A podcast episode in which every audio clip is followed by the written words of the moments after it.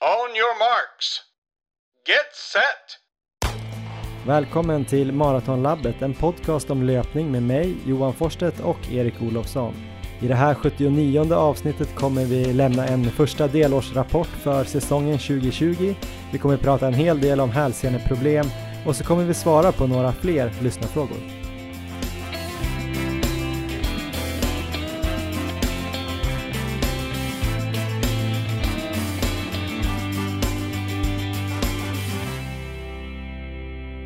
Ja, välkommen allesammans till eh, avsnitt 79 av Maratonlabbet. Erik Olofsson, hur är läget? Eh, det är bra. Jag befinner mig här i Uppsala och idag på valborg så brukar det vara fullt ös här och staden brukar bli invaderad av folk. Jag tror väl förhoppningsvis att det inte blir så idag.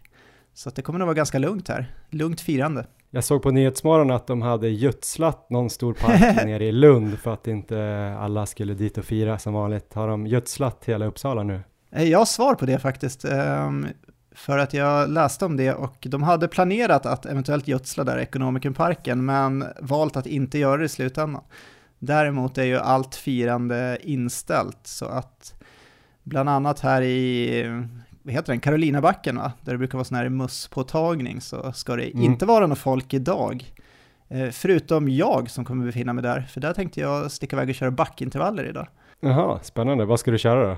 Um, jag tror jag ska prova det här eh, populära passet som alla kör. Det här, vad är det, 10 gånger 200 meter gånger 2. Så 2 gånger 10 gånger 200 meter. Um, det är väl ett sånt här pass som bröderna Ingebrigtsen brukar köra på lördagar bland annat. Just det. Jag lyssnade faktiskt på ID Langelöp eh, med Henrik Ingebrigtsen, pratade om, om det. Just det verkar ju vara som att hela Norge kör ju de där 2 gånger 10 gånger 200. Sen kör de alltid 10 gånger 1000 också, ja. Eh, några gånger i veckan och så är de skitbra. Jag har inte testat det. Jag vet ju att Andreas Almgren körde ju 15 gånger 300. Det blir väl eh, liknande eh, distans totalt. Några hundra meter längre antar jag. Men eh, jag har faktiskt inte provat. Jag har tänkt att lägga in det. Jag har kört eh, 10 gånger 200 ett set någon gång. Just det. Ja, men det låter som lagom valborgsfirande. Hur ska du fira själv?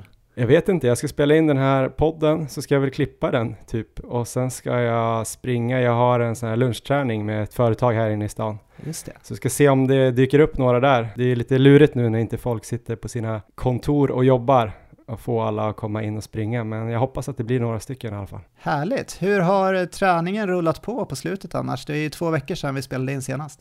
Det har eh, väl eh, varit sådär skulle jag vilja säga. Jag har tränat på, men jag har ju fått lite problem med hälsenan som vi kommer komma in på lite senare här i avsnittet. Men eh, jag har ju haft egentligen hälseneproblem till och från ända sedan 2015, så jag tror hela livstiden för den här podden så har jag väl nog haft eh, ja, mer eller mindre känningar hela tiden. Jag vet inte hur mycket jag har pratat om det, jag antar att jag har ältat det. Men det brukar gå lite upp och ner beroende på, uh, jag vet inte, vid olika orsaker som vi kanske kommer in på senare. Men uh, jag har haft lite, lite sura hälsenor på sistone, framförallt på höger sida. Så jag har sprungit, uh, men jag har inte sprungit exakt lika mycket som jag gjorde i mars här, utan jag har gått ner lite och sprungit runt 7-8 mil har jag fått ihop ändå. Aha. Så det är ju en ganska bra volym för mig då, men uh, jag har också sprungit kanske lite mer distans och lite, med lite lägre intensitet totalt sådär. Men ja, uh, kommit igång lite med styrketräningen igen, så det är väl positivt. Uh, ja, jag vet inte, så det är lite så här halvdeppigt, men jag försöker ta mig ur det här nu. Um, själv då? Um, ja, men det har ju man kan säga efter maran då så har jag ju kört två veckor där jag egentligen bara kört lugnt. Jag har ändå sprungit, men det har bara varit distanspass. Mm. Så inga kvalitetspass alls under de två första veckorna. Men den här veckan nu så har jag ju börjat återgå till vad man skulle kunna kalla för en ganska normal träningsvecka i alla fall. Eh, det känns ju som att jag har tränat så specifik maratonträning i en evighet. Jag kommer mm. inte ens ihåg när jag liksom eh, körde dubbeltröskel och sånt senast. Men eh, den här veckan kommer jag ha lite lägre volym då än vad kanske en vanlig träningsvecka skulle ha. Det är ju tre dagars helg här plus att jag har Leon den här veckan, så att fredag, lördag kommer jag inte kunna träna alls. Men eh, däremot så ska jag försöka få in tre stycken kvalitetsdagar. Och den första ja. är redan genomförd, så det var ju dubbeltröskel som jag körde här i tisdags. Och då började jag med att köra 8 gånger 1000 meter utomhus, hamnade i ett 3.24 snitt, så det var ett bra morgonpass. Och på eftermiddagen så var jag inne och körde på gymmet, löpband, så då var det 15 gånger 400 meter som stod på schemat där. Vad hade du för vila på de här två passen och hur mycket snabbare sprang du på 400-ringarna? Um, på, när jag sprang utomhus där, de här 1000 meters intervallerna, så körde jag 250 meter joggvila. Och på 400 på bandet så körde jag 200 meter joggvila, så hyfsat generös vila ändå får jag väl säga. När du säger joggvila då, vad har du för fart på joggvilan? Är det så slö jogg eller är det någon typ flytvila eller något mittemellan? jag skulle nog mer säga kanske slöjogg än flytvila. Någonstans mittemellan de två begreppen kanske vi mm. hamnar. Mm. Um, fartmässigt, det fick jag också fråga om där på Instagram när det gällde de här 400-ringarna. Och det jag försöker tänka på när jag kör dem är att starta i någon slags 10k-fart eh, ungefär på första intervallen, men sen öka lite progressivt under passet. Um, nu när jag körde på löpan så blev det ändå att eh, jag mer höll en konstant fart, men skulle jag kört dem utomhus till exempel skulle jag nog tänkt lite mer så. Mm. Men eh, rent eh, fartmässigt så blev det väl snäppet snabbare än de här 1000 meters intervallerna. Ingen stor skillnad, men kanske en 2-3 sekunder per kilometer då i snabbare fart på 400 mm. Men eh, 3.24 fart på tusingarna på morgonen där, det är lite utropstecken. Hur, ja. hur var känslan? Ja, men det var positivt. Jag kände som att jag hade lite fart i kroppen trots allt.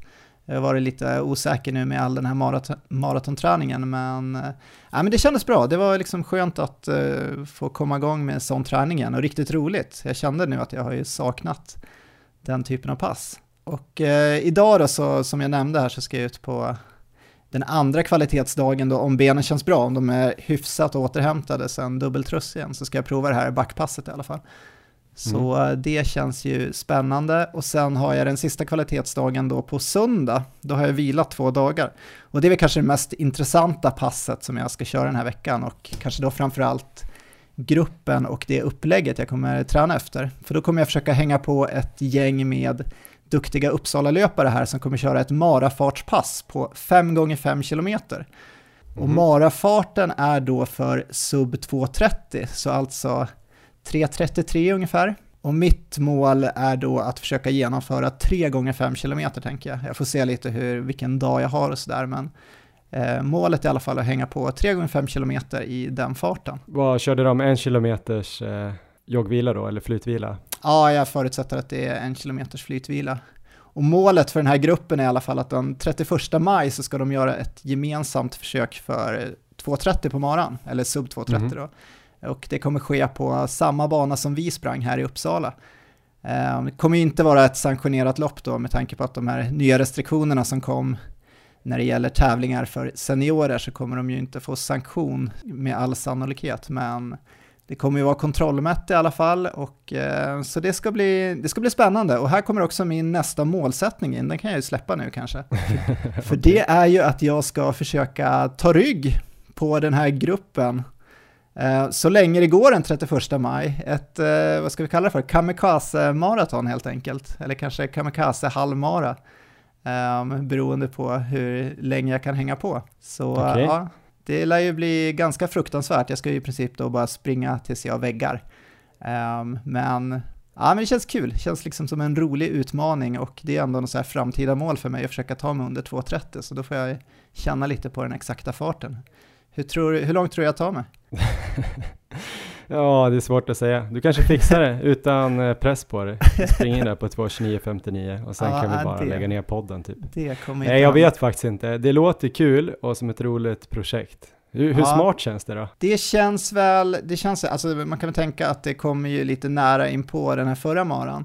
Men jag har känt ja, mig jäkligt fräsch måste jag säga. Jag har, eh, jag har ändå försökt träna smart efter den, men jag kände ju att benen var ju återhämtade väldigt snabbt. Det var inte riktigt den begränsningen som jag hade, utan det var ju mer pulsen där som jag fick jobba högt med mm. under maran. Så att, eh, jag tror väl här, nu är det väl fyra veckor kvar till det loppet också, jag kommer inte träna så här superspecifikt för maraton inför det där, och det är ju inte ett maraton jag ska springa heller, utan jag ska ju hänga på så länge det går. Och det finns ju inte en chans att, det kommer, att jag kommer hänga på hela vägen. Um, nej, jag vet inte, det kanske skulle man se det väldigt långsiktigt och sådär och eh, ha något större mål som man visste skulle bli av framöver så kanske det vore dumt att lägga in, men nu är det ändå, allt känns ju så, liksom så öppet så att att ha ett roligt mål som motiverar fyra veckor fram, det känner jag ändå är det känns väl ändå ganska kul och Nej. jag tror du snackar ju om att du känner dig ganska fräsch efter ditt 2.38 maraton här för några veckor sedan. Nu är det väl, vi är väl inne på tredje veckan efter maran och du har dragit igång med ganska hård träning redan. Hur känns det då? Att, eh, det är väl lite olika där hur mycket folk vill vila och sådär och kanske beror på hur mycket man har bränt både i benen och mentalt men eh, du är igång ganska snabbt ändå. Ja, jo men det är jag och eh, många rekommendationer man läser så ska man ju ta det lugnt i ett flertal veckor och de första två veckorna var ju ändå bara lugn distansträning även om jag sprang en hel del andra veckan. Ehm, Vad kom du upp i då? Typ 12-14 mil eller? vecka två var jag uppe i 14 mil ändå och det är väl mer än vad de flesta skulle rekommendera. Ehm, Ja. Men, eh, nej, men som jag säger, jag har känt mig väldigt eh, fräsch rent så här muskulärt. Det, det är väl dels kanske den här Vaporfly-effekten. Det känns ju som att när man börjar springa i de skorna så eh, det är lite skonsammare att springa amarer i dem. Plus att Mm just att eftersom min begränsning är då rent eh, pulsmässigt mer än muskulärt när jag springer de här loppen så tror jag att återhämtningen där också på grund av det blir lite snabbare. Mm. Det här testet den sista maj där då, eh, när du ska försöka hänga på här i 3.33 fart så länge som möjligt, kommer du formtoppa inför det eller lägger du in det som ett vanligt pass eller någonting mittemellan? Eh, nej, jag lägger nog in det som ett vanligt pass tror jag. Jag kör nog på lite med den träning som jag känner för fram till dess, så det kommer att vara en hel del dubbeltröskel och sånt där. Men däremot så kör de ju en del gemensamma pass, den här gruppen, så att onsdagar och söndagar så har de lagt in pass där man eh, kommer jobba mycket då i, kring de här farterna. Så att jag ska försöka hänga på några av de passen har jag tänkt Mm. ehm, framöver. Det kommer inte gå varje vecka kanske, men eh, några pass där, så där kommer jag få lite specifik träning inför det, men det kommer nog inte bli någon formtoppning, utan jag, jag tar det som en kul grej och eh, ja, det är bara att bita ihop och eh, hänga på. Är du sugen? Ja, alltså just nu är jag väl kanske inte jättesugen just idag, för jag har väl ändå lite för mycket problem med hälsenorna. Jag är inte, det är inte så att det spritter i benen på varje pass direkt, men jag kanske kan bli om jag får lite ordning på det här nu när jag har dragit tillbaks lite med träningen och börjar jobba med mina problem så att säga. Men eh, 3.33 fart är eh, kanske lite lurig pace för mig för att jag vill ju springa milen under 35, det är ju såklart Ja. då 3.30 fart. Och eh, halvmaran har jag ju ett mål i år att springa på eh, en 15.59 och eh, då är ju det 3.36 fart eller något sånt där. Så det är lite mittemellan där. Så i och för sig skulle jag göra 15 kilometer i 3.33 så vet jag väl att jag har god chans på båda de där målen i och för sig. Ja, men fundera på det. Om inte annat så kanske jag ska ordna en gissningstävling på eh, hur långt du kommer klara i 3.33. Ja, just det. Du kan väl skriva här på söndag hur det gick på det här första 3 gånger 5 kilometer i 3.33 fart. Ja, det ska jag Eh, göra. Var, hur känslan var, hur pulsen låg ungefär och vilka splittar du hade. Och utifrån det då kanske man kan dra igång en liten gissningslek. ja, det låter kul. Ja, det blir spännande att följa din väg här fram mot eh, 31 maj då. och sen senare under säsongen att du verkligen ska gå hela vägen och springa under 2.30. Om du inte gör det då 31 maj, vi får väl se. Eh, vi kommer ju snart att eh, göra en liten delårsrapport då, som vi kallar det, där vi kommer analysera våra första fyra månaderna. Vi kommer kanske inte gå in i detalj varje pass, för det kanske blir lite jobbigt, men i stora drag saker vi har gjort bra och dåligt. Men först ska vi väl prata lite om vår samarbetspartner Erik, Löplabbet, som vi har jobbat med här nu snart eh, ett år blir det väl. Eh, väldigt kul och eh, det är ju Sveriges största butikskedja för löpning och de har åtta fysiska butiker och en webbsida som är väldigt bra och lätt att handla ifrån nu när man kanske inte vill alltid gå in, åka in till stan och gå i butiker. Så gå in och kolla där. Just nu så är det på väg att komma in en intressant eh, pulsklocka från Polar. Polar Grit X heter den, en multisportklocka. Ska vara förhållandevis lätt, 60 gram och ha riktigt bra batteritid, 40 timmar Erik. Det är Oj. något för dig Erik. Du behöver kanske inte ladda den på hela, ja i alla fall inte på två veckor. Jag vet inte hur mycket du springer. Springer du 20 timmar i veckan eller? Nej, det gör jag nog inte, men det där var ju betydligt mer än vad alla mina tidigare klockor har haft. Ja, och sen har den väl lite olika funktioner. Den har ju såklart eh, sån handledspuls och de vanliga funktionerna där som den har som är lite intressant här, som också jag tänker skulle vara intressant för dig Erik, det är att den dels har ganska bra så här, kart och ruttfunktioner så att man kan springa efter rutter och hitta i skogen. Eh, Det kanske är bra för dig, som Ja, brukar springa fel typ i Vålådalen och sådär. och sen har den något som kallas för Hill Splitter att den analyserar hur du löper i backar, både uppför och nerför. Jag vet inte exakt hur det går till, Ja. men på något sätt så kan man få en analys där hur bra man gör det där och kanske även tips för hur man ska göra det bättre. Vad tror du om det? Ja, men det låter bra om det kommer tips, för att jag vet ju att jag säkerligen inte gör det så bra, men eh, då kanske den kan analysera och eh, berätta hur jag ska göra. Det låter jättebra, spännande. Den här har väl precis släppts i dagarna och den kommer in i butiken eh, i nästa vecka och eh, kolla upp den om ni är i behov av en ny pulsklocka. Verkar spännande.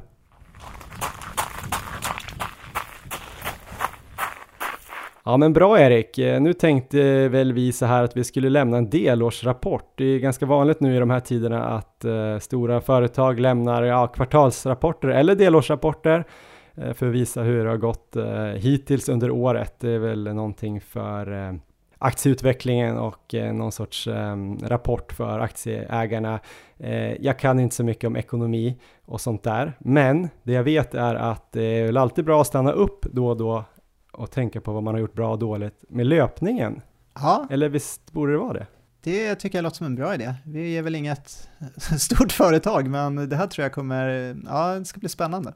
Ja, nej, men så vi tänkte gå igenom lite grann eh, vad vi har gjort i den här perioden fram till nu från eh, ja, nyår egentligen, så det har väl gått fyra månader ganska precis när vi spelar in är det sista april. Eh, Erik har ju hunnit med att eh, kvala till eh, SM i maraton, sprungit på 2.38.02 blev det väl. Ja. Du har gjort 33.30 på 10 000 på träning. Du har varit uppe på uh, volymrekord, du har varit uppe på veckor runt 20 mil. Du har inte varit skadad vad jag kommer ihåg. Du har haft någon liten, liten känning kanske. Du har typ inte varit sjuk. Du måste vara ganska nöjd om du får börja här. Ja, men eh, absolut. Jag får börja så här med att leverera kanske en stor jinx. Och jag har gjort det förut och kommit undan med det, men vi, vi kör igen. Och det är väl just eh, det här att jag har fått ordning på mina känningar, det är väl kanske det som, det som har gått allra bäst. För förut har jag haft Mm. mycket problem med vaderna, eh, de har blivit strama och eh, jag har liksom fått begränsa min träning. Ibland har jag fått tagit eh, rejäla upp, inte rejäla uppehåll, men i alla fall uppehåll ett par dagar och sådär. Och även hålla nere volymen, men de problemen är ju som bortblåsta. Så att jag tror, min analys är väl att just den här höga volymen då som jag lyckats hålla nu under en ganska lång tid utan avbrott, att den verkligen börjar betala av sig på riktigt. Mm. Så du tror att det är den här ökade mängden som gör att du har blivit mer tålig för eh, alla stötar och all löpning? Eller är det också att du har jobbat väldigt mycket med, jag vet inte vad du har jobbat med, med rörlighet, foam rolling, kanske annan typ av behandling? Jo, men det är nog från början är att jag har jobbat med styrka och varierat underlagen och flowgun och lite sådana här saker. Eh, så det har nog hjälpt mig att liksom kunna hålla den här höga volymen eh, mer konstant och att jag då Mm. kunna lägga på den där höga volymen sen gör nog att de här problemen nu är eh, borta. jag är lite orolig varje gång jag säger det, men eh, det har ju varit så i år. Jag har ju verkligen kunnat träna på eh, som jag velat utifrån det perspektivet. Sen så kanske jag inte riktigt har haft den tiden alltid som jag har velat. Jag har kanske legat, velat lägga på lite högre volym vissa veckor ändå. Men det har Mm. nog blivit bra det jag legat. Så att eh, om man ska ta på den här delårsrapporten då bra grejer så är ju det verkligen eh, det jag kanske är mest nöjd med. Och det är såklart det som har hjälpt till då att det här eh, maratonloppet ändå gick bra. Men det sitter nog ganska många nu som lyssnar eller är ute och springer då kanske de är ehm, som har en massa små känningar eller till och med skador men försöker springa med dem till exempel han du pratar med just nu. Ehm, har du något tips där och liksom för hur man får till det där? För det är enkelt att säga så här, ja men spring 15 mil för då kommer ni sen vara hållbara för 12 mil men just när man går upp eh, i den här volymen så är det ju lätt att dra på sig något, tänker jag. Ja, ja, men dels så gäller det att öka volymen väldigt försiktigt, så att jobba lite med det här från träningscykel till träningscykel tror jag på att man kanske inte ökar mer än 20% från en maratoncykel till nästa. Så att man ser det väldigt långsiktigt och sen så, alltså det jag har varit under, sen vi började maratonlabbet, så har jag varit ganska paranoid med skador och det kan ju låta jäkligt tråkigt att gå runt och vara så att så fort man har en känning bryta passen och sånt där. Men jag tror i slutändan så tjänar man nog mycket på det.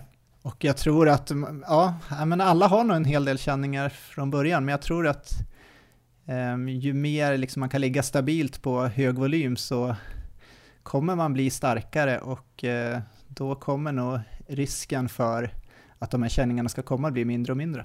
Men är det några specifika detaljer du har gjort då som, uh, som, är, som du alltid gör, liksom, som du har fått in i ditt uh, liv så att säga? Några rutiner? Eh, ja, men varierat underlag kan man väl verkligen säga. Jag kör ju all min distans eh, på så mjukt underlag som möjligt. Eh, och eh, sen så när det kommer till vissa kvalitetspass då vill jag köra dem på asfalt så då lägger jag dem där. Men verkligen, eh, det, det är ju något jag har med mig hela tiden.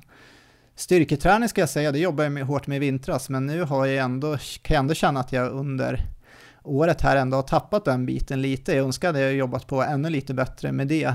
Eh, det beror ju mycket på att det har ju varit så fint väder så man har ju kunnat springa ute så mycket så jag har inte varit i gymmet lika mycket som jag brukar vara.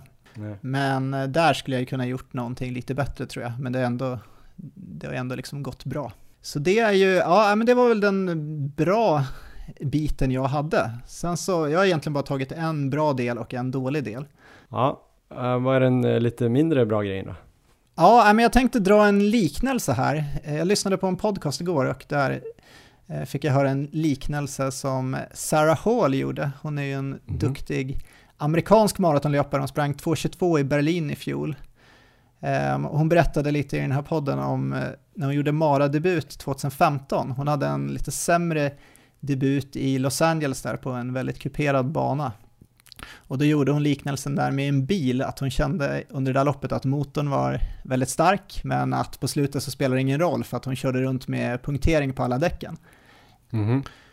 Um, och jag skulle också kunna ta den här liknelsen med en bil till egentligen mina två senaste marer, både nu senast i Uppsala och i Valencia.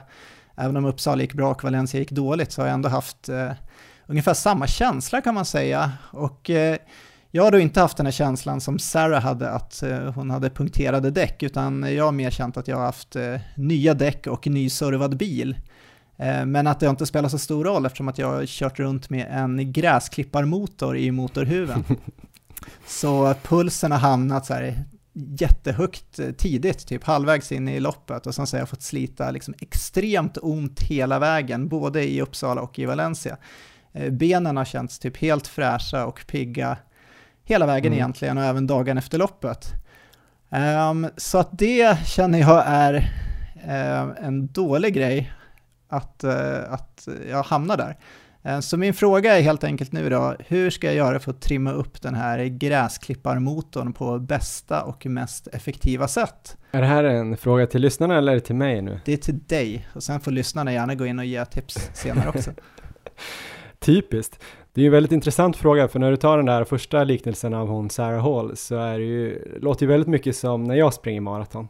ja. Alla däcken får punka och även nu när jag sprang eh, halvmaran där med dig i Uppsala och eh, kändes, det kändes ganska bekvämt ganska länge men sen på slutet där, även på en halvmara så blev jag ganska trött i benen. Jag känner ju att jag blev muskulärt trött mer Aha. än vad, vad andningen och pulsen blev där och på maror och längre lopp brukar det bli ännu värre. Jag tror aldrig att jag har gått i mål på ett lopp över 30 kilometer och känt mig så här maxpressad eh, alltså i andning och, och konditionen och så, utan det är ju benen som ofta har lagt ner. Så att eh, vi är ju lite motsatspoler där. Så Verkligen. mitt enkla svar är ju att vi skulle göra ett barn, höll jag på att säga, som skulle få det bästa av två världar. Sen är ju dina ben och din andning mycket bättre än min, så att, ja, du fattar, det blir ju en konstig, konstig grej att göra.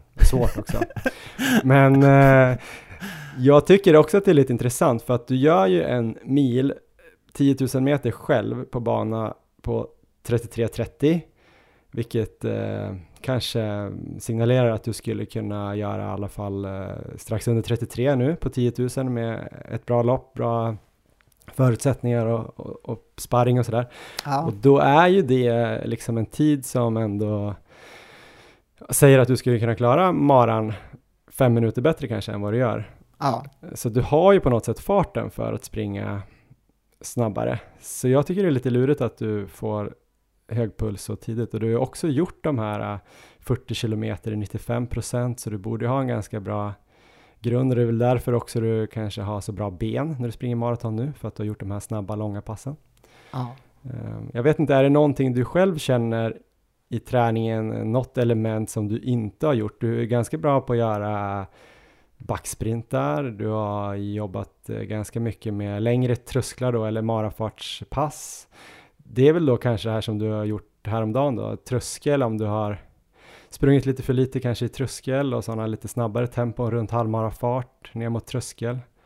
Eh, lite längre sådana, jag vet inte. Är det något element du känner att eh, det här har jag faktiskt inte gjort? Ja, men jag har ju funderat mycket på det här nu sen, sen Uppsala-loppet och det jag känner om jag då tänker tillbaka till de sista åren, det jag absolut inte har gjort, det är ju att köra så här drills och löpskolning. Just och jag det. kan väl känna att även om min teknik har blivit bättre här under de här åren så tror jag det finns mycket jobb att göra där. Jag såg ju bara mm. på de här filmerna, liksom, när du filmade mig där i Uppsala, att um, jag ser ju att min teknik är väldigt begränsad. Så det jag redan har börjat med nu under de här sista två veckorna är att jag har börjat köra ganska mycket löpskolning och drills, eller det är väl samma sak det kanske. Um, så, så i slutet av varje distanspass nu så har jag lagt in massa övningar jag kör där. Och eh, det blir ju mm. ganska många pass, för jag kör ju en hel del distanspass. Så den delen tror jag ändå, det ska bli intressant att se om jag på lite längre sikt då kan eh, förbättra steget lite grann. Um, för det kanske kan hjälpa att uh, springa uh, helt enkelt lite mer effektivt och uh, hålla nere pulsen på grund av det. Um, en annan grej då som jag funderar på det är backträning, för det har jag nästan inte kört alls förutom lite backsprints. Så att det här passet, typ som jag pratade om att köra idag, två gånger 10 gånger 200 meter till exempel, att försöka lägga in den typen av träning nu lite mer regelbundet. Det blir ju som lite löpspecifik styrketräning men även eh, VO2 max-träning. Um, så den biten tänker jag kan hjälpa och sen så dunka på, ja du var inne på tröskel här, att uh, försöka få in mycket tröskelträning nu. Jag börjar köra dubbeltröskel och kanske till och med ha två sådana pass i veckan ibland. Um, mm. funderar jag på. Så det är väl lite sådana saker under den här perioden. Sen tror jag ändå närmare in på, uh, om jag ska springa ett maraton så vill jag nog ändå in i den här specifika perioden, för det känner jag liksom att fungerar bra med långa marafartspass och liknande. Men det kanske just nu då, eh, i någon slags mm. grundträningsperiod, som jag borde jobba på den här biten för att stärka upp min eh, gräsklipparmotor.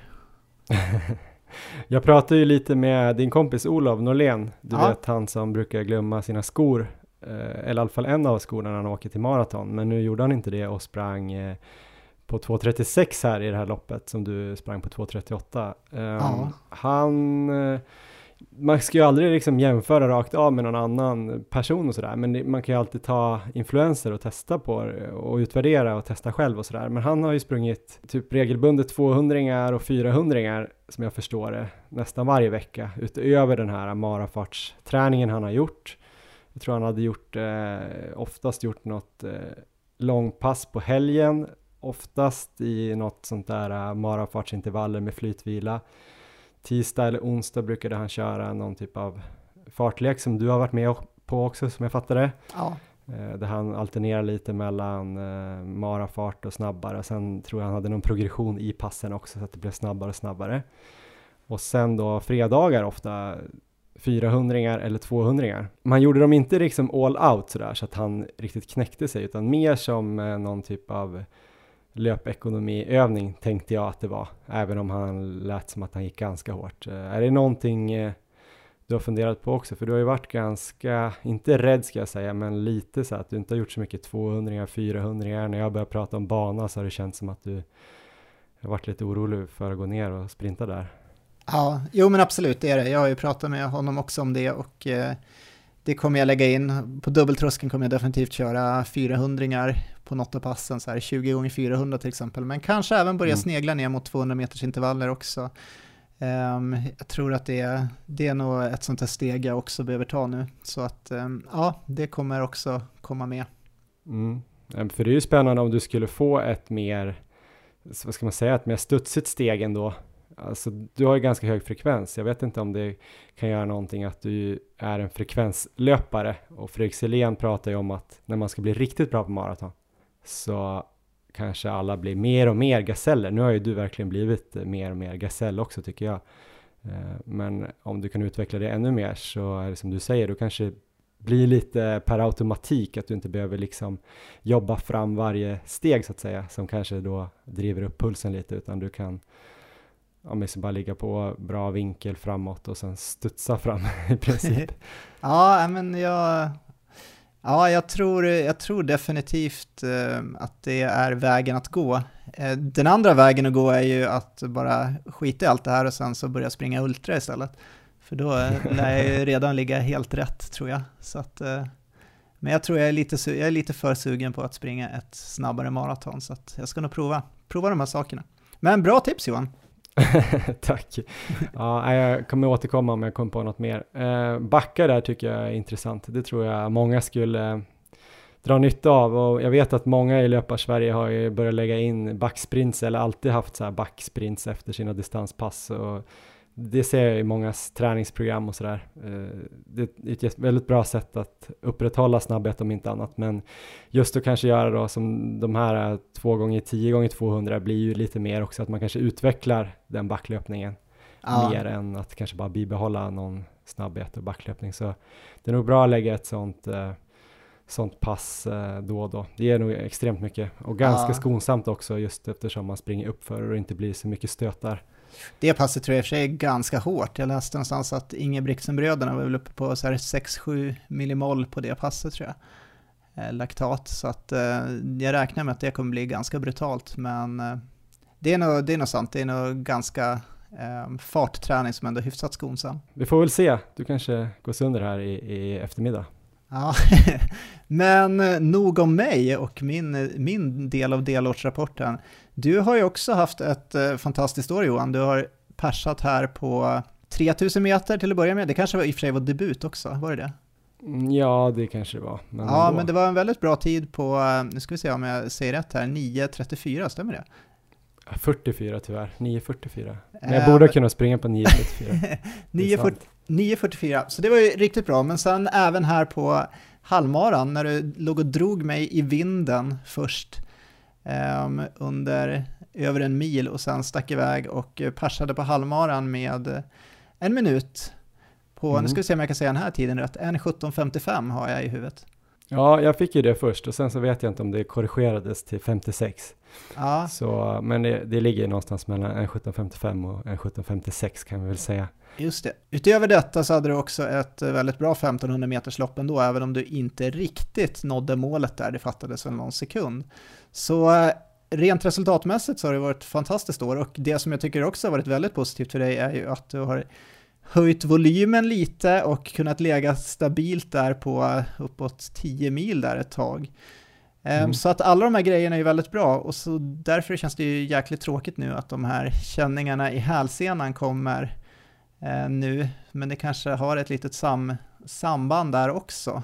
Så det ska bli spännande att se hur du har sammanfattat ditt år än så länge här. Ja, men vi kan väl först spinna vidare på de bra sakerna då. Jag ska inte heller ta så himla många bra saker, men jag tror som du säger där att eh, just att jag har kunnat komma upp i volym och det har känts ganska bra eh, en längre period eh, har ju varit eh, en nyckel. Jag har liksom inte tyckt att det har varit så hårt att springa de här 7-8 milen som jag gjorde tidigare och varit uppe flera veckor på 10 mil. Dessutom den här lilla fartsatsningen jag hade i januari, februari, där jag dessutom kom tillbaks från en höftproblematik. Just det. Tror jag ändå gav mig väldigt mycket självförtroende att få springa lite fortare grejer och det var väldigt kul och det var också väldigt kul att prova något nytt liksom med löpningen, att uh, testa springa den där tävlingen. Det tror jag är utvecklande för alla liksom som testar något nytt, inte bara liksom som löpare utan även uh, som person på något sätt, även om det låter klyschigt. Så var det väldigt kul. Uh, jag tror det gav mig lite um, ja, lite för steget och sådär och sen gå ja. in rakt i en mer en uh, tröskelbaserad mängdperiod här i mars. Uh, det kändes som jag utvecklades faktiskt vecka för vecka.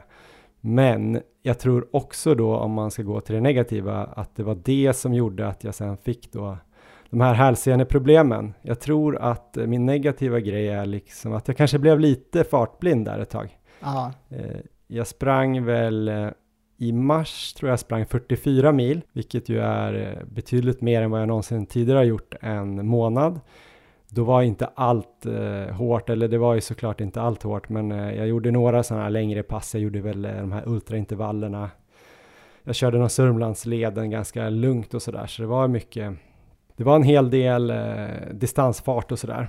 Men sen tror jag efter ett tag när jag höll på med det här så tror jag smög in mer och mer intensitet i de här ja. veckorna som fortfarande låg kvar på 10 mil men eh, jag liksom började köra en dubbeltröskel måndag eh, onsdag körde jag tröskel med Fredrikshof och det började bli liksom runt eh, ja, 3 gånger 13 tror jag jag körde, alltså runt 40 minuter med tröskelfart.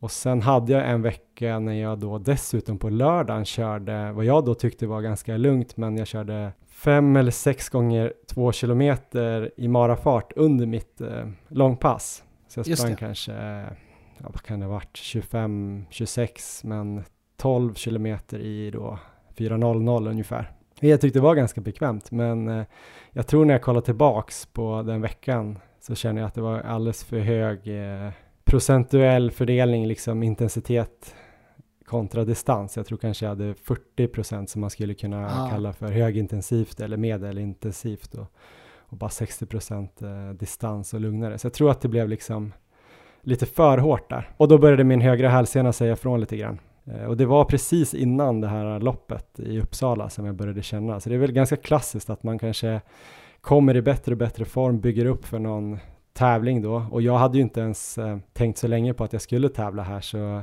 jag eh, formtoppade inte så mycket. Jag drog inte ner så mycket på träningen utan jag eh, gick bara rakt in i det här loppet, vilket kändes bra. Och då när man väl är i det där så fattar man kanske inte själv att man behöver en återhämtningsvecka eller då kan det vara lätt att man bara tittar på förra veckan, ja, men då sprang jag ju 10 mil, jag fortsätter så.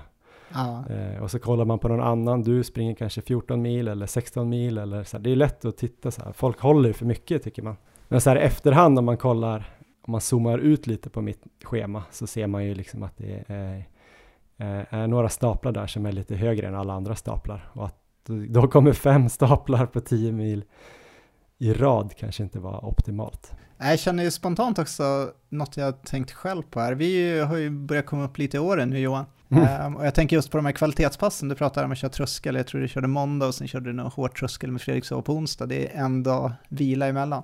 Jag ju lite liknande upplägg nu här. Jag ska ju köra ett kvalitetspass idag har jag tänkt.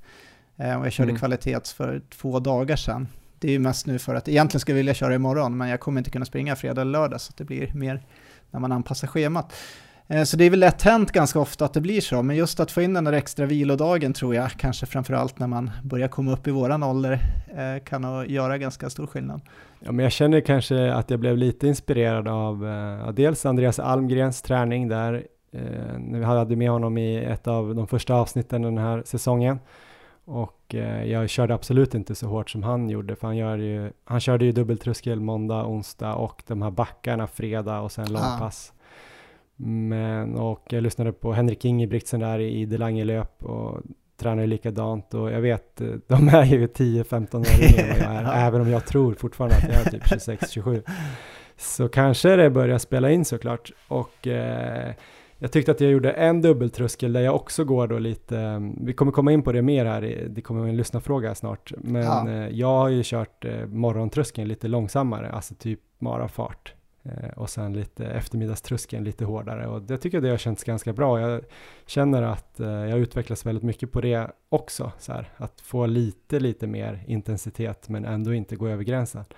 Så därför har det känts som att det har funkat ganska bra att köra de här lite hårdare trösklarna på onsdag och sen har jag haft två, två vilodagar, men kanske flytta så jag kör måndag, torsdag trösklarna och sen eh, köra på lördagen då och inte köra någon typ av eh, fartökning eller marafartsintervaller i det långpasset. Ja. Utan då kanske man ska köra ett lite lugnare långpass eller eventuellt med någon snabb avslutning om man känner att man har en bra dag. För det är väl, eh, det är kanske lite hårt där att köra tröskel fyra pass i veckan då, även om det är låg tröskel, några kilometer av dem där. Ja, men jag, jag är också sugen på att köra dubbeltröskel två gånger i veckan faktiskt lite framöver, men jag tror att, jag tror att man, vi behöver nog åtminstone två vilodagar emellan, så att det är nog, det kanske är en bra riktlinje att ha. Men eh, status på hälsenan då, ska vi komma in på det nu?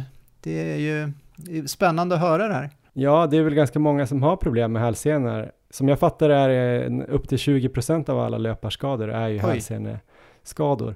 Eh, och eh, när man pratar med folk som antingen tränar elitlöpare eller man pratar med löpare som är riktigt duktiga och springer mycket så det känns som att det är väldigt få som inte haft någon hälseneproblematik eller har det och håller på och ligger och balanserar och eh, korrigerar och jobbar med de här excentriska tåhävningarna. Så det känns som att det är ett ganska vanligt problem. Som i Iliaden, eller vad var det vi pratade om här innan inspelningen? ja, Den halvguden Achilles då som hade ett problem där precis eh, runt hälen, att det var den svaga punkten. Och så är det ju för många löpare. Um, det är där man får smärtan och jag har ju det som kanske kallades hälseneinflammation förut, som de har sett att det inte är någon inflammation i egentlig mening. Så därför brukar man väl nu säga att det är Ja, jag kan ju ha fel i mycket av det här jag säger nu, för jag är inte utbildad eh, fysioterapeut eller naprapat eller något, men eh, hälsenetendinos, alltså man har någon eh, förändring här av hälsenan, man har en problematik i, i hälsenan och jag har ju den här eh, som, där det smärtar mitt på hälsenorna. Just det. 2 till 6 centimeter då kanske, ovanför hälen är vanligt. Man brukar, själva punkten där man har ont eh, brukar egentligen bara vara kanske en centimeter eller en och en halv, alltså om man trycker på den. Men sen gör det ju liksom ont i, i varje steg. Jag tycker ju liksom att det gör ont både kanske i landningen, men det är väl också när man fjongar iväg så att säga i avstampet som det är ganska höga krafter på hälsenan. Just, gör det ont eh, både när du går, springer lugnt och springer snabbt? Eller är det någon speciell typ av rörelse? Det är, jag har nästan aldrig problem när jag går, vilket är ju positivt. För det är väl det som också har gjort att jag har kunnat springa med det så länge. Det har liksom, jag har haft den här morgonstelheten som också är väldigt vanlig, att man går upp och käkar frukost så känner man att man kanske inte haltar, men man känner sig absolut inte speciellt lätt. Och jag antar att det bara kommer bli värre och värre ju, det här med åldern och att man kommer vara stel på olika ställen. Men just att det känns som att man inte riktigt kan belasta hälsenan på samma sätt på den dåliga sidan då. Och så lättare är ju under dagen när man kommer igång med, med hela med kroppen och sådär. Och så är en liten liten lätt svullnad på höger hälsena.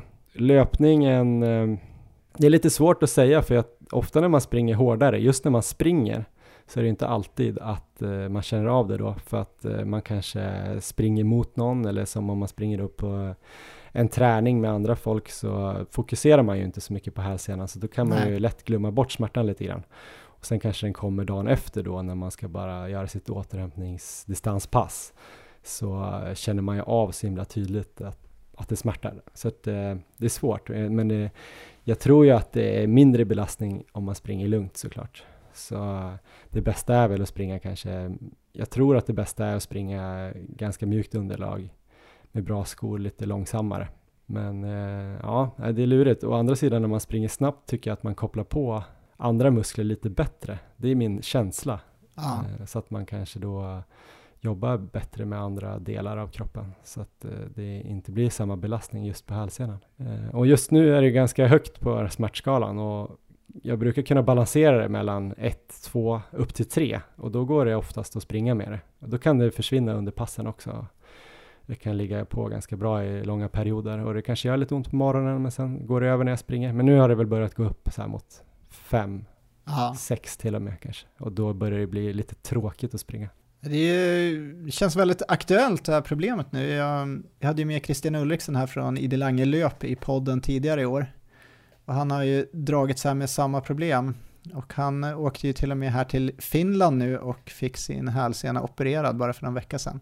Eh, mm. Men då, hans problem som jag förstått det var väl på en lite värre nivå än vad du troligen ligger på. Har du fått någon sån här eh, undersökning här så du vet ungefär exakt eh, vad som behöver göras framöver? Ja, om man bara först tar eh, Idelange löp Christian här så som jag förstår det så hade han ju en sån här Haglunds häl också, alltså någon typ av utväxt nere på hälen och eh, delvis ruptur av hälsenan. Okay. Jag har ju inga problem ner mot hälen utan eh, det är verkligen hälsenan. Det som jag förstår man kan göra om man ska operera det här, då finns ju en svensk eh, läkare eller professor kanske han till och med uppe i Umeå som är duktig på hälsenor som heter Håkan Alfredsson. Va? Ehm, han eh, har ju en egen klinik där, där han, eh, de kör ofta att de, det är liksom att det blir någon kärlinväxt i hälsenan säger man. Ehm, nya blodkärl och nya nerver som växer in där när, när hälsenan läker ihop efter olika slitage där. Och nu är jag ute på djupt vatten, så ni får gärna rätta mig om jag har fel och, och, det här är kanske i stora drag hur jag har uppfattat det. Och det de kan göra då är väl dels något som kallas för sklerosering, när man eh, injicerar något medel som ska på något sätt eh, ta bort det här, de här dåliga blodkärlen eller de här nya blodkärlen. Eller så kan man skrapa den, så okay. att man tar bort det här som egentligen gör ont. Så det är ett väldigt här, tydligt sätt att ta bort smärtan. Det vet ju inte jag om det ens skulle hjälpa. Jag vet ju inte om det är det, så att säga. Jag har ju börjat gå nu på behandling hos en eh, för detta kiropraktor, eh, Rud Alsemchest heter han ju, holländare, som ska vara lite av en eh, magiker har jag hört, eh, bland olika löpare. Men sen om man är det, det kan inte jag säga än. Jag har varit där två gånger. Jag har ju varit tidigare och kollat upp den här hälsenan på, hos sjukgymnaster och fysioterapeuter och alla har ju sagt det klassiska, ja det här är inflammation eller tendinos som det heter just nu. Det som hjälper då är att eh, hålla kanske vaden mjuk och eh, stretchad. Eh, att eh, kanske ha en bra fotledsrörlighet och att göra liksom en miljon excentriska tåhävningar eh, varje dag i typ massa veckor och sen kanske det blir bättre och vila lite från löpningen. Men jag känner väl att eh, det kanske funkar för vissa och sådär och den här excentriska tåhävningarna ska ju funka. Det har de ju också gjort vetenskapliga rapporter på och studier. Men eh, jag vet inte, jag har inte riktigt känt att det där har gett mig så himla mycket. Det kanske har försvunnit ett tag och sen kommer hela tiden tillbaks. Så nu har jag gått till den här killen som eh, som kanske kan eh, lösa mina problem på ett eh, djupare plan. Jag vet inte, det kanske kan bli flummigt där nu. Jag vet inte hur mycket vi ska snacka om det, men det känns ju som att om man har ett problem så finns det olika sätt att ta itu med problemet. Antingen ja. går man direkt på problemet lokalt, som hälsenan här. Det tydligaste skulle ju vara bara att ja, vi skrapar bort någonting på hälsenan och hoppas att det blir bra. Då kan det ju antingen bli det inte bra för att det kanske inte var rätt behandling eller så kommer det kanske bli bra och sen är det mycket möjligt att jag kommer få tillbaks det. Ja. För att det är inte där problemet sitter egentligen. Sen kanske man går till en, eh, en läkare som kanske ger en, eh, ja men bara rådet att vila lite, gör inte så mycket av det som gör ont. Eh, du kanske tar något inflammationsdämpande som visserligen inte då kommer hjälpa eftersom det inte är en inflammation. Och så kanske man får komma till en sjukgymnast. Då kanske de jobbar lite med ja, men lite mer just det här med vaderna och kanske fotleden och kanske fotstyrkan om de är lite mer experimentella. Sen finns det då kanske naprapat och eh, kiropraktor och eh, den här Rudi är gammal kiropraktor som sagt och han, eh, han jobbar efter något som heter DNS som är dynamisk neuromuskulär stabilitet kallas det för. Det är något ja. tjeckiskt påfund och det är nu det börjar bli lite så här, ah, okej, okay, vissa tycker att det här känns jättelätt att förhålla sig till och vissa tror jag skulle tycka att det låter lite flummigt. Men det handlar ju mer om att se det holistiskt, som att hela kroppen är en helhet. Men det är alltså, vi ska alltså få en, en holländsk magiker här med en tjeckisk behandlingsmetod? Precis så. Ja. Och den här metoden tror jag många kan använda sig av, även sjukgymnaster eller naprapater eller kiropraktorer. Men det är ju liksom mer ett synsätt på kroppen. Det handlar mycket om att eh, stabiliteten i kroppen ska vara rätt och att det börjar liksom i kärnan, alltså i, i coren och eh, med andningen faktiskt ganska mycket. Att få andningen rätt och eh, det, eftersom jag bara gått två gånger så har jag inte liksom lärt mig allt. Och jag är fortfarande lite så här, nu ska jag vara helt ärlig, då är man ju fortfarande lite så här att man, ah, är det här rätt för mig? Det kostar ju lite pengar att gå på behandlingar. Och så blir man lite så här, för man vill ju bara ha ett, eh, man vill ju bara ha lite stötvåg och lite så här eh, nålar och sen ska det vara bra. ja. Eller veta så här, ja du får en MR och så bara, ja men det här ser, ser skit ut, vi skickar upp dig till Umeå. Det hade ju varit det lättaste sättet att ta itu med det, på ett sätt. Det är väl, man, vill ju, man är lite så här, vad ska man säga, man är ju lite, inte stressad, vad säger man, man är lite ivrig för att komma ja. tillbaka och springa. Det hade varit jävligt härligt att kunna springa helt smärtfritt. Men eh, nu är det ju lite mer det här att eh, försöka hitta kontakten med den underliggande muskulaturen i bålen. Att inte kanske koppla på eh, sexpacket då, som man brukar säga. Mm. Att eh, det här handlar ju väldigt mycket om att hitta tillbaks till det naturliga rörelsemönstret som man eh, lärde sig när man var bebis. Så min första övning som jag har fått, det är ja. alltså ligga på golvet med benen eh, alltså ligga på golvet på ryggen, dra upp benen, ha benen 90 graders vinkel Aha. och sen eh, liksom koppla på bålen, andas ner i magen med diafragman och sen kunna släppa, om någon säger att någon håller i dina ben då, dina Ja. hälar. Sen ska man kunna släppa en, ett ben i taget och jag ska kunna hålla den positionen med svanken i, i golvet utan att eh, de här benen ska ramla ner eller att jag ska spänna på liksom, de ytliga musklerna, de, de stora musklerna om man ska säga. Så det handlar ju om att, eh, att hitta den kontrollen och sen också lite ledjustering och, och manipulation. Han har knäckt en hel del grejer, Ja, alltså både i ländryggen och bröstryggen och eh, även i fötterna. Så att han jobbar mycket med att försöka få lederna justerade helt enkelt, att de ska så att kroppen och alla leder ska röra sig som de är tänkta att göra och att muskler, synergister och antagonister som du kanske har läst om på jajamän. idrottshögskolan och att om man tänker biceps och, biceps och triceps till exempel, de ska ju jobba liksom tillsammans. När den ena spänns ska den andra slappna av och sådär för att det ska bli en bra eh, funktion då i armbågsleden till exempel.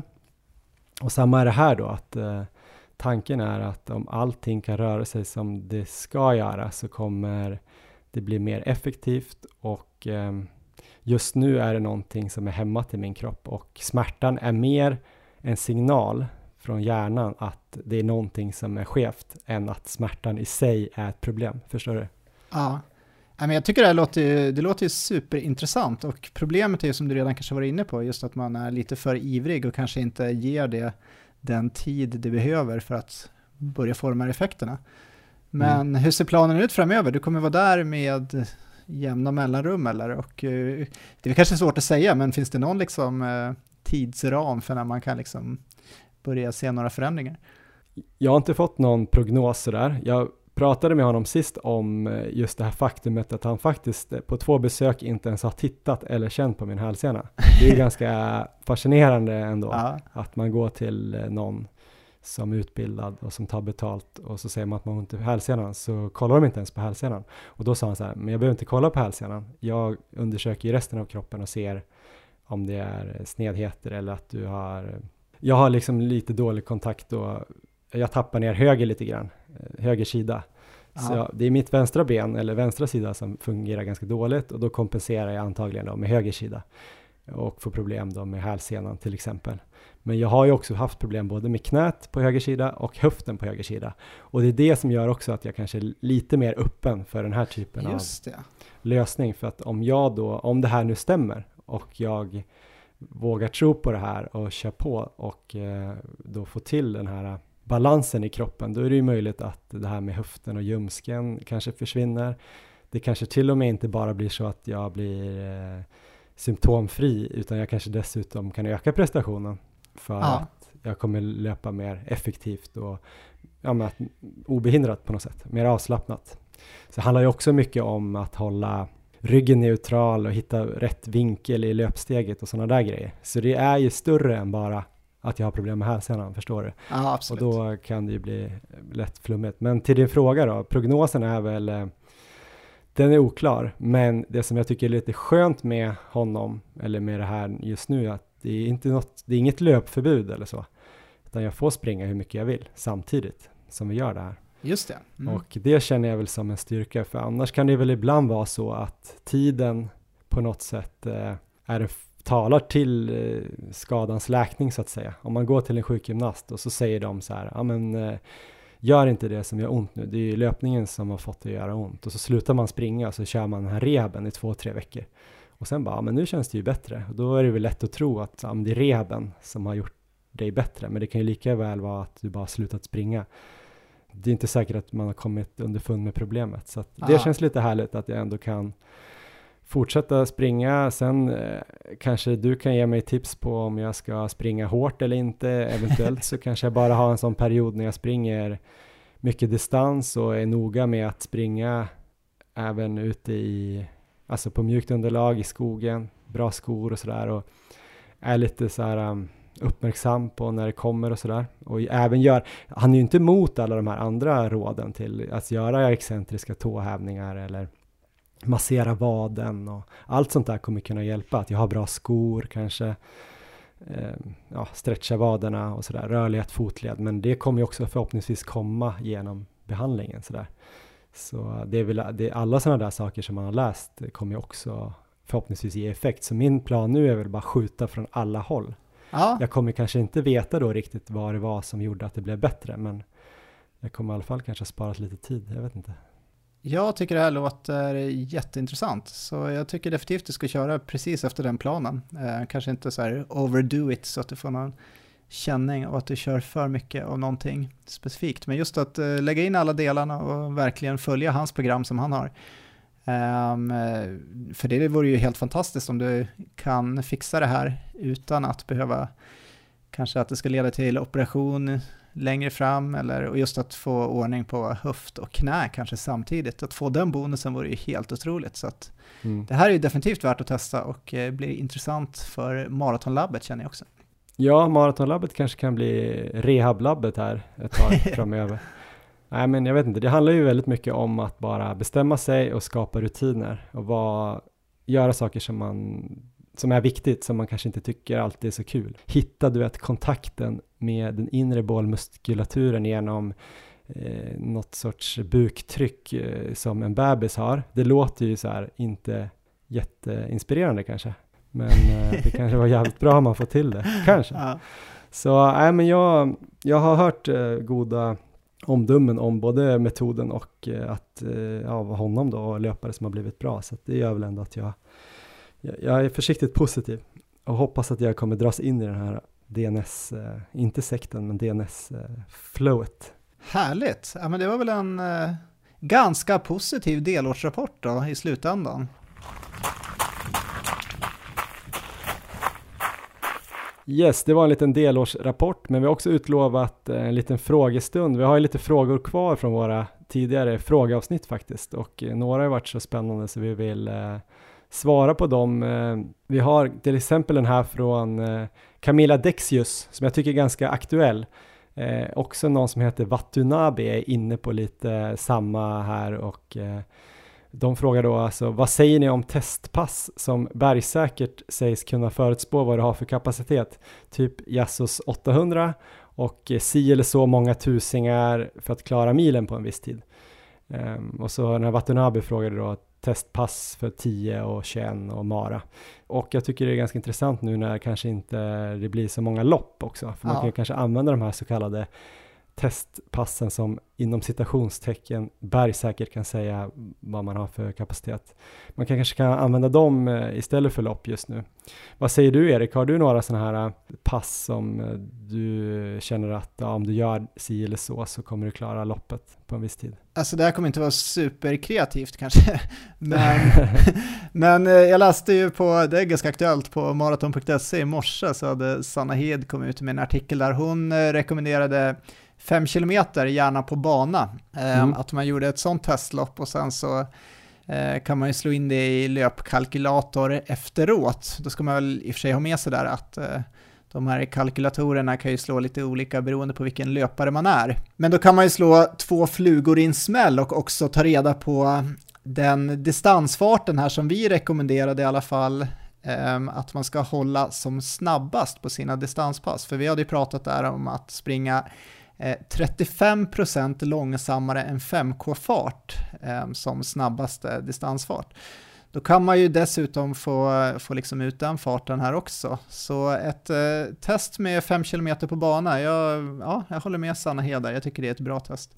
Men om du tänker då, eh, det är ett bra test såklart, men det är inte säkert att om man gör det på träning att det motsvarar vad man skulle göra på tävling. Men om du tänker dig olika löppass då, eller intervallpass som ska kunna säga vad du eh, gör på en annan distans. Ett exempel är väl kanske som vi hade i avsnittet med Kent Claesson om 10 km träning. Då snackar vi om 8 gånger 1000 meter ja. med en minuts vila. Om den farten man då kan hålla på tusingarna eh, är en rimlig idé om vad man skulle kunna hålla på 10 km loppet. Har du testat det till exempel? Det har jag inte testat, eh, men det var ju Kent inne på att det var ju motsvarande. Eh, mm. Så 8 gånger 1000 Så det, jag tycker väl också att eh, när det gäller de här korta distanserna så tycker jag väl att man, Man kan lika gärna gå och bränna av distansen där ganska hårt på träning när det kommer till 5 och 10 kilometer också. Um, kommer man upp på längre distanser som halvmara och maraton, då finns det kanske lite andra pass man kan testa med eh, kanske så här 4 gånger 5 kilometer till maraton till exempel i marafart. Kan man genomföra mm. det så ligger man ju bra till där. Eh, men det här tror jag du Johan har mer input än mig. Jag är ganska tråkig när det kommer till sådana här test. ja, men jag tänker typ att just nu när det är som det är, att det kanske inte är lopp, då tycker jag att man kan använda de här som, eh, de här passen som vi kanske föreslår nu, som eh, ett, en träningstävling så att säga. För det kanske är svårt att dra av en mara till exempel själv. Att kunna mobilisera den kraften och göra det på en bra tid, utan då kanske man kan använda ett sånt här äh, träningspass eller som formtestarpass. Men om man säger att man ska tävla på en mara, då kanske man lägger de här passen, ja, beroende på vilken sträcka det är, men eh, då kanske man lägger det för en maraton 3, 4, 5 veckor innan maran. Eh, ett millopp kanske man lägger då 8 gånger 1000 eller kanske till och med 10 gånger 1000. Vissa tycker ju att 8 gånger 1000 är för lätt jämfört med att springa 10 kilometer. Och 8 gånger 1000 med en minuts vila är ju såklart lättare än att springa 10 kilometer en gång utan vila.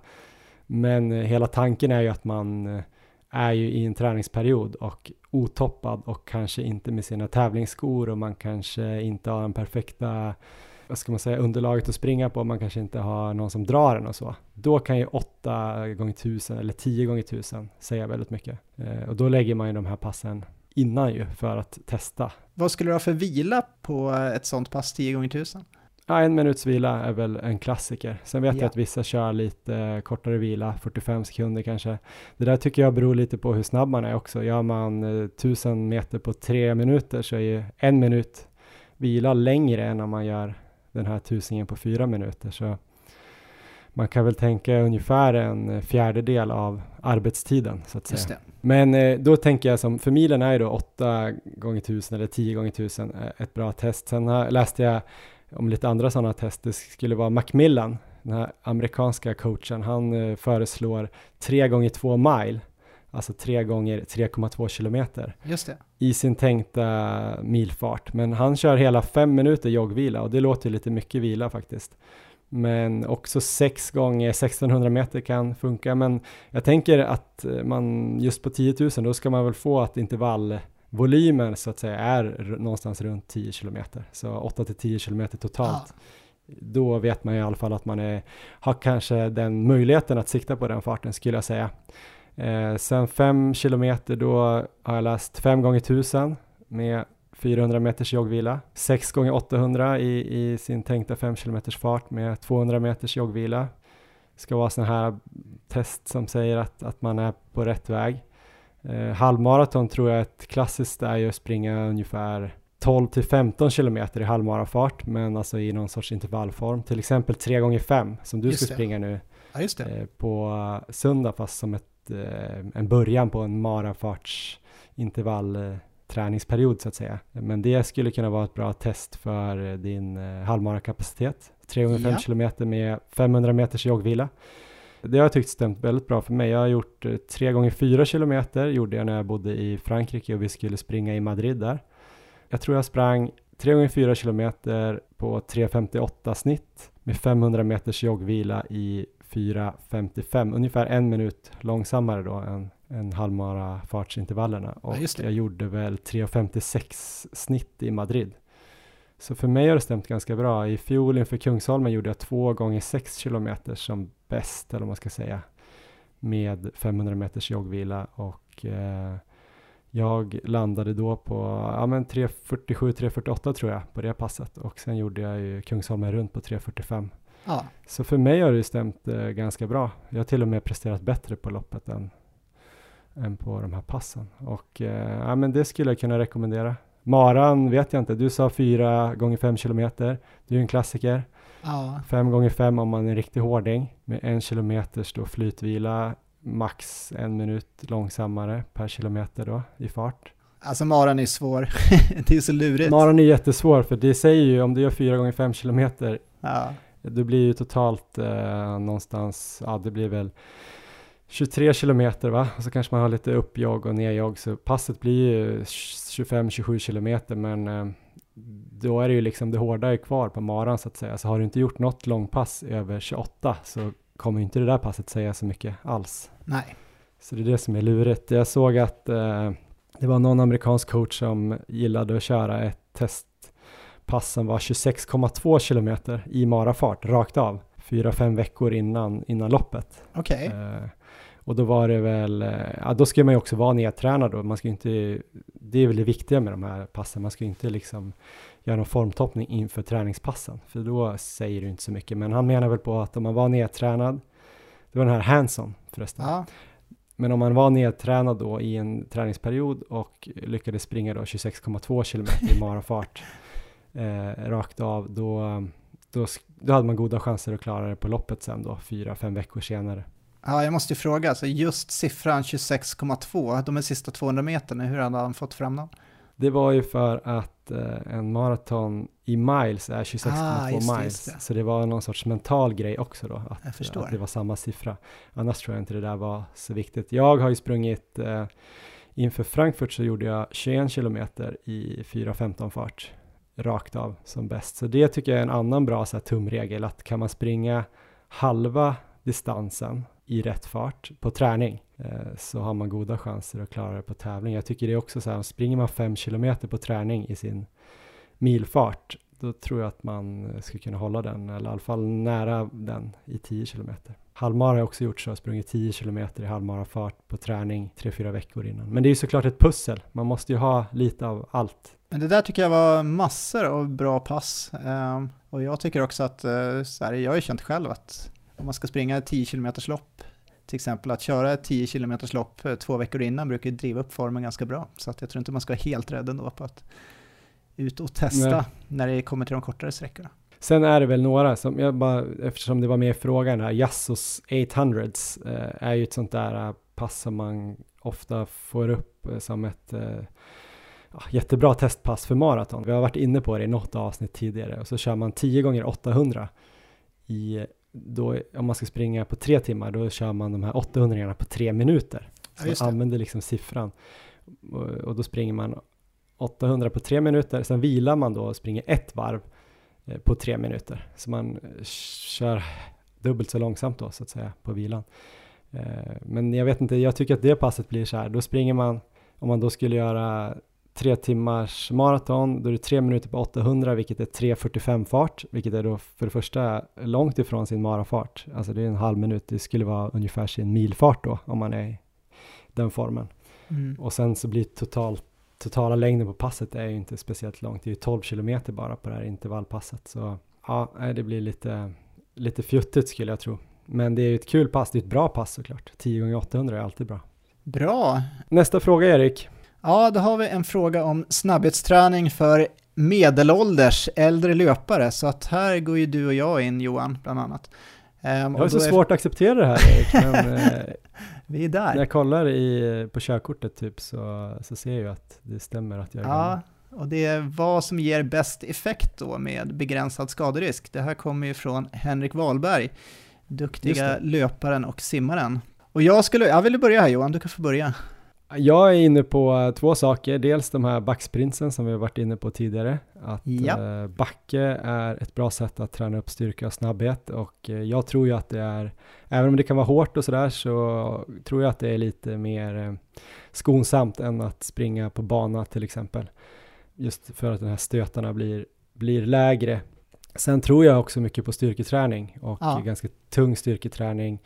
Eh, och mycket bygga upp kanske ja men gluteus, alltså rumpa och, och sådär med marklyft och sånt. Att få den här kraften framåt eh, som man får. Man ser ju alla sprinters har ju stora rumpor och sådär men jobba med den kontakten. Sen är det säkert en del teknik och grejer också som du är inne på att hitta en avslappnad löpning eh, med, med rätt eh, vinklar och sådär för att få, en, få ett snabbare steg, mer avslappnat. Ja, men jag hade också skrivit ner de två punkterna. Och sen så tycker jag kanske det viktigaste här eh, är väl att, eh, jag tror inte nyckeln i sig är enskilda pass just för medelålders och äldre löpare, utan jag tror man kan träna ganska lika eh, rent hur passen ser ut som yngre löpare gör, men att man är extra fokuserad på återhämtningen mellan passen som vi pratade om tidigare här, så att verkligen se till att vara noggrann med att få in tillräckligt med, med vila och då lägga in en extra dag kanske med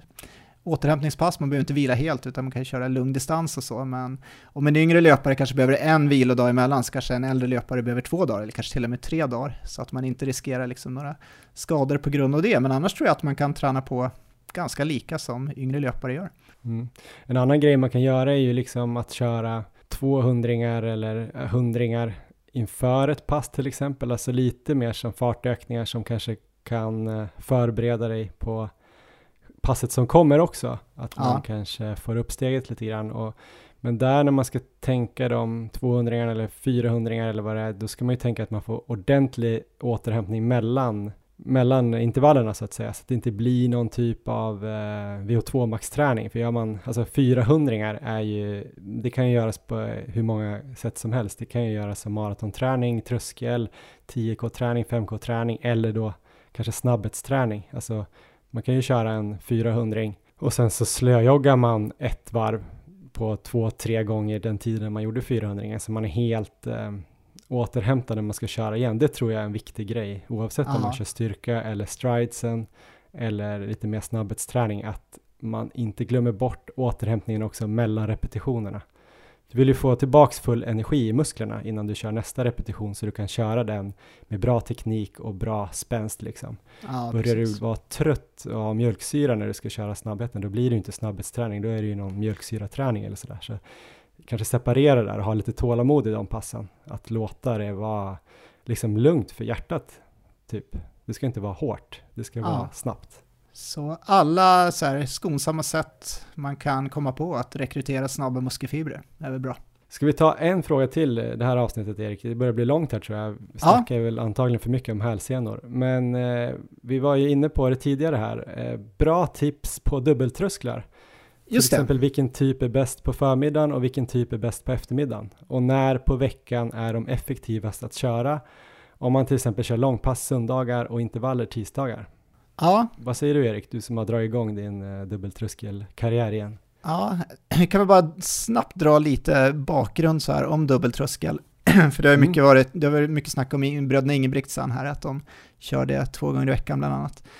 Um, och det kommer väl egentligen från uh, tidigare elitlöpare i Norge, har ju också tränat efter de här metoderna. Bland annat Marius Backen då var väl den som började använda så här laktatmätning. Och det gjorde han på samtliga kvalitetspass. Och han rekommenderar ju den här siffran 3 millimol laktat för en optimal nivå. Han skrev där någonstans att det var 4 millimol var ju mer baserat på löpare som kanske inte hade en lång bakgrund av konditionsträning. Men ju bättre man blev då så blev den siffran lägre och lägre. Så någonstans mellan 2,2 och 3,3 för den absoluta eliten. Och ska man då mm. översätta det till puls istället, för det är ju många då, kanske på motionsnivå, som inte kommer köra efter laktat, så tyckte backen att ungefär 80-87% av maxpuls var en bra nivå och om man då var i toppform då så ligger man ju i det högre spektrat av det och vice versa.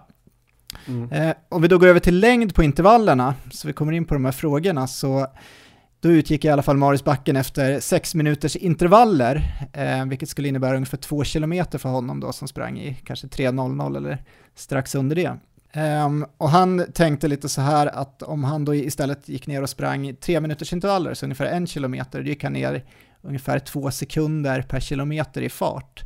Och om han istället hade längre intervaller som tog tio minuter så gick han upp ungefär två sekunder per kilometer i fart. Men uh, ska vi ta då, om vi tar den här frågan just när man ska lägga förmiddag och eftermiddag, för jag har ju kört, förra året körde jag väldigt mycket dubbeltröskel. Um, och jag kunde ju, jag, jag, upplevde faktiskt att eftermiddagspassen ofta kändes lite, det känns lite lättare då nästan. Även fast man hade mm. liksom ett pass i benen så kunde jag ändå känna mig lite piggare på eftermiddagen. Hur har du upplevt det? Ja, men jag känner samma sak faktiskt. Jag har också varit förvånansvärt pigg på vissa av de här kvällspassen. Jag har kunnat kört i princip som om jag inte hade kört någonting på morgonen. Men det har ju också många av de här medeldistanserna vittnat om att eh, Andreas Almgren var ju med, som sagt med i våran podd och snackade ju om att han hade högre laktat på samma fart och ansträngning på morgonen ja. och presterade också bättre på eftermiddagarna. Så att eh, det är min känsla också, så jag har ju kört eh, lite mer mot 2,0 i laktat på förmiddagen, så jag har ja. dragit ner ganska rejält. Jag kanske har kört ganska snälla trösklar på mo morgonen. Just Jag har kört nästan i min eh, marafart då och då har jag kört, jag har kört det här fem gånger sex minuter. Så, Ja, det är ju samma som bröderna Ingebrigtsen kör på förmiddagen. ja, precis. Mm. Och jag tror även då eh, Andreas Almgren och Kalle var inne på att köra det också. De kör väl då nästan två kilometer. Men så jag har kört rakt av på tid och jag tänker att, eh, så jag har ju kommit kortare såklart än, än bröderna Ingebrigtsen, men jag tänker att tiden är densamma. Ja, Så det har jag gjort och sprungit då runt 3.55 fart då för mig. just det. Du kör ju lite hårdare, du kör ju hårdare än marafart. Hur tänker du då på morgonen där? Um, ja, men jag har ju ofta tidigare lagt dem i alltså hela block. Ehm, så att jag har kanske kört 8 kilometer rakt av. Eh, det som jag tycker är positivt med det, det är att man kan liksom lägga, ligga på rätt så här konstant ansträngning hela tiden, så att man ligger där på det rent pulsmässigt på tröskelnivå. Det är ganska tufft mentalt, men jag skulle ändå säga att det, det är kanske min, mitt favoritupplägg av det. Om man då går ner på kortare, till exempel som eh, 20 gånger 400 är det många som kör. Bröderna Ingebrigtsen brukar köra på eftermiddagen, eller kanske Mm. 8-10 gånger 1000 meter. Det jag känner rent pulsmässigt när jag kör 20 gånger 400 då kommer jag nästan inte alls upp i tröskelpuls. Sen så kan jag liksom se andra fördelar med det passet, att man liksom får eh, snabbhetsträning på ett annat sätt och att det blir liksom bra mental träning med mycket starter och stopp och så. Eh, så att det är givande, men kanske på ett annat sätt än att ligga liksom där på tröskelpuls. Hur har du upplevt när du har kört 400? Jag har bara kört eh, 400 på löpband och då var jag lite så här besviken på löpbandets kapacitet. Jag tror inte riktigt att det höll rätt fart så det var lite svårt att, eh, att säga där. Men eh, när jag har kört 400 så har jag kört bara 30 sekunders vila och eh, kört betydligt snabbare då än tröskelfart för att få upp, få upp pulsen lite grann och ansträngningen. Men jag har kört utomhus har jag kört 10 gånger 3 minuter. Aha. Eh, och det är väl samma då som motsvarar de här eftermiddagspassen när de kör 10 gånger en kilometer men de ligger ofta i tre fart. Jag har ju legat då kanske i runt min 10k-fart, Just 3.30, det. 3.35 kanske och då blir det väl ungefär eh, Ja, 10 gånger 3 minuter blir väl eh, lite mer än 10 gånger 800 så det har jag ändå tyckt känns korrelerar bra till pulsen. Sen tror jag att just det här som du säger, att ligga just eh, precis på gränsen och kanske till och med köra lite fartlekar där man går över och under och sådär är, ju- är ju bra också. ja. Det kanske kan vara en annan träning. Jag ser mer de här som där jag inte vill gå över gränsen och inte vill ligga för hårt utan det ska ge bra effekt men inte slita så mycket. Det är därför jag är lite försiktigare tror jag. Att jag har kört eh, 3.55 på morgonen och eh, 5 gånger 6 minuter i, tre, i marafart är inte så jättehårt. Men eh, jag tror ju att eh, man ska få tänka lite så här om man nu lägger in dubbeltröskel, att man ser till att man verkligen tar det lite lugnare dagen efter. Jag tänkte på mitt distanspass här som jag körde igår. Jag körde dubbeltröskel i tisdags. Och igår på distanspasset så hamnade jag i någon slags 5.22 snitt eh, när jag körde 9 km på morgonen. Och då har jag många andra distanspass som går i typ 4.30-4.40 så att eh, det sliter ju trots allt, men eh, jag kan tänka mig det att om man då skulle köra ett, bara ett tröskelpass rakt av, då kanske man får till och med lägga in helvila dagen efter. För det kommer ju vara ännu tuffare. Och då passar det också bra att bolla tillbaks här till frågan från Mattias Björkman då. Eh, när då man ska göra de här dubbeltrösklarna. Han säger som exempel då om han kör långpass söndag och intervaller tisdag. Det luktar ju som att fredag kan vara en bra dag, eller vad säger du Erik? Ja, i det fallet skulle jag rekommendera fredag, beroende på hur hårt långpasset är. Säg att det är ett ganska lugnt långpass och definitivt fredag så han får extra dagar mellan intervallerna och eh, dubbeltröskeln då. Ehm, och skulle han eh, vilja köra något hårdare långpass, att det är marafartsintervaller och liknande på söndagen, då kanske man ska fundera på hur man ska bygga upp hela veckan om man då kanske inte ska få in allting, intervaller, tröskelpass och långpass. Då kanske man ska lägga ut eh, de här kvalitetspassen lite längre ifrån varandra. Mm. Ja, det blir slitigt att köra hårda intervaller tisdag, dubbeltröskel fredag och ett hårt långpass söndag i alla fall. Då kanske man hamnar på hälsene rehabkliniken hemma hos mig. Ja, Erik, eh, det blev ett långt avsnitt där till slut. Eh, mycket hälsenor och delårsrapporter och allt vad det har varit, eh, frågor. Vi kanske ska avrunda det här. Du ska ut och springa backe alltså, Ingebrigtsen-backe? Jajamän, Laddad. det ska jag göra. Uh, ja, det ska bli jobbigt, tror jag. Det ska bli kul att höra mer om det. Jag ska faktiskt springa lite grann, lite distans med ett företags, eh, ett företagslöpgrupp som jag kör en gång i veckan. Sen ska jag väl köra 1000 eh, excentriska tåhävningar och så ska jag köra den här bebisträningen. Jag ligger på rygg och hittar mitt eh, bukstöd och andas jättebra diafragma. Jag får se om jag kanske lägger upp någon video på det på Instagram där vi heter Maratonlabbet så kan ni kolla hur det ser ut om det ser vettigt ut för att hela mina hälsenor så att säga. Eh, ni kan också följa oss på Strava. Eh, Johan Forsstedt heter jag och du heter? Erik Olofsson. Härligt, eh, det blir kul. Nästa vecka så uh, har vi planerat att köra del tre av Maratonskolan inför Stockholm Marathon och då kommer vi prata mer om prehab och rehab och styrka för löpare är tanken. Så då kanske vi har chans att återkomma till mina hälsenor och se om det har blivit något bättre till dess. Ja, men med de orden får vi väl avsluta det här avsnitt 79. Erik, eh, träna på! Ja, detsamma Johan. Tack för idag!